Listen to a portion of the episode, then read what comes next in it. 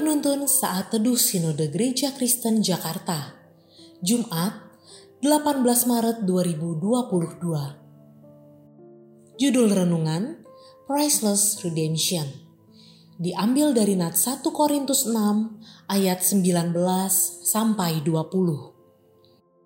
Atau tidak tahukah kamu bahwa tubuhmu adalah bait roh kudus yang diam di dalam kamu, Roh Kudus yang kamu peroleh dari Allah, dan bahwa kamu bukan milik kamu sendiri, sebab kamu telah dibeli dan harganya telah lunas dibayar. Karena itu, muliakanlah Allah dengan tubuhmu.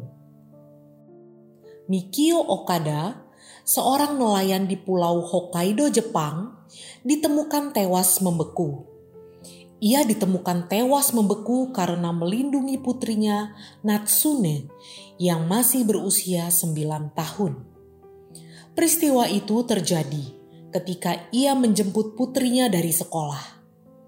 Namun di tengah jalan, mereka terjebak badai salju yang cukup tebal. Okada berusaha melindungi putrinya dengan memberikan jaket tebalnya dan tubuhnya agar Natsune tetap hidup.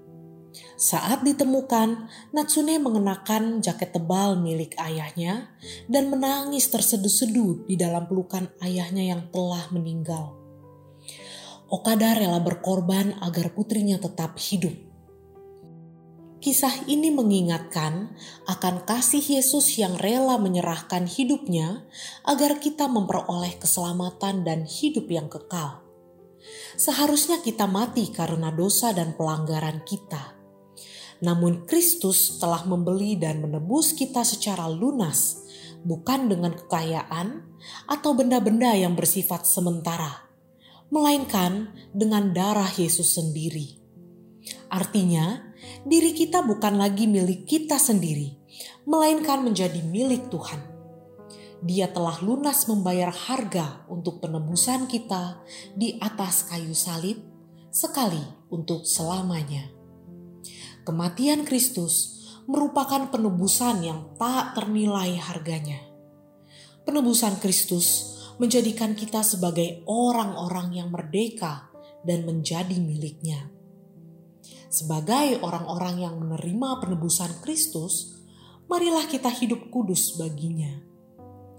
Tidak lagi hidup dalam kubangan dosa, melainkan memuliakan Dia dengan keseluruhan hidup kita apa pun yang kita pikirkan, katakan, dan perbuat boleh sungguh berkenan di hadapan Allah.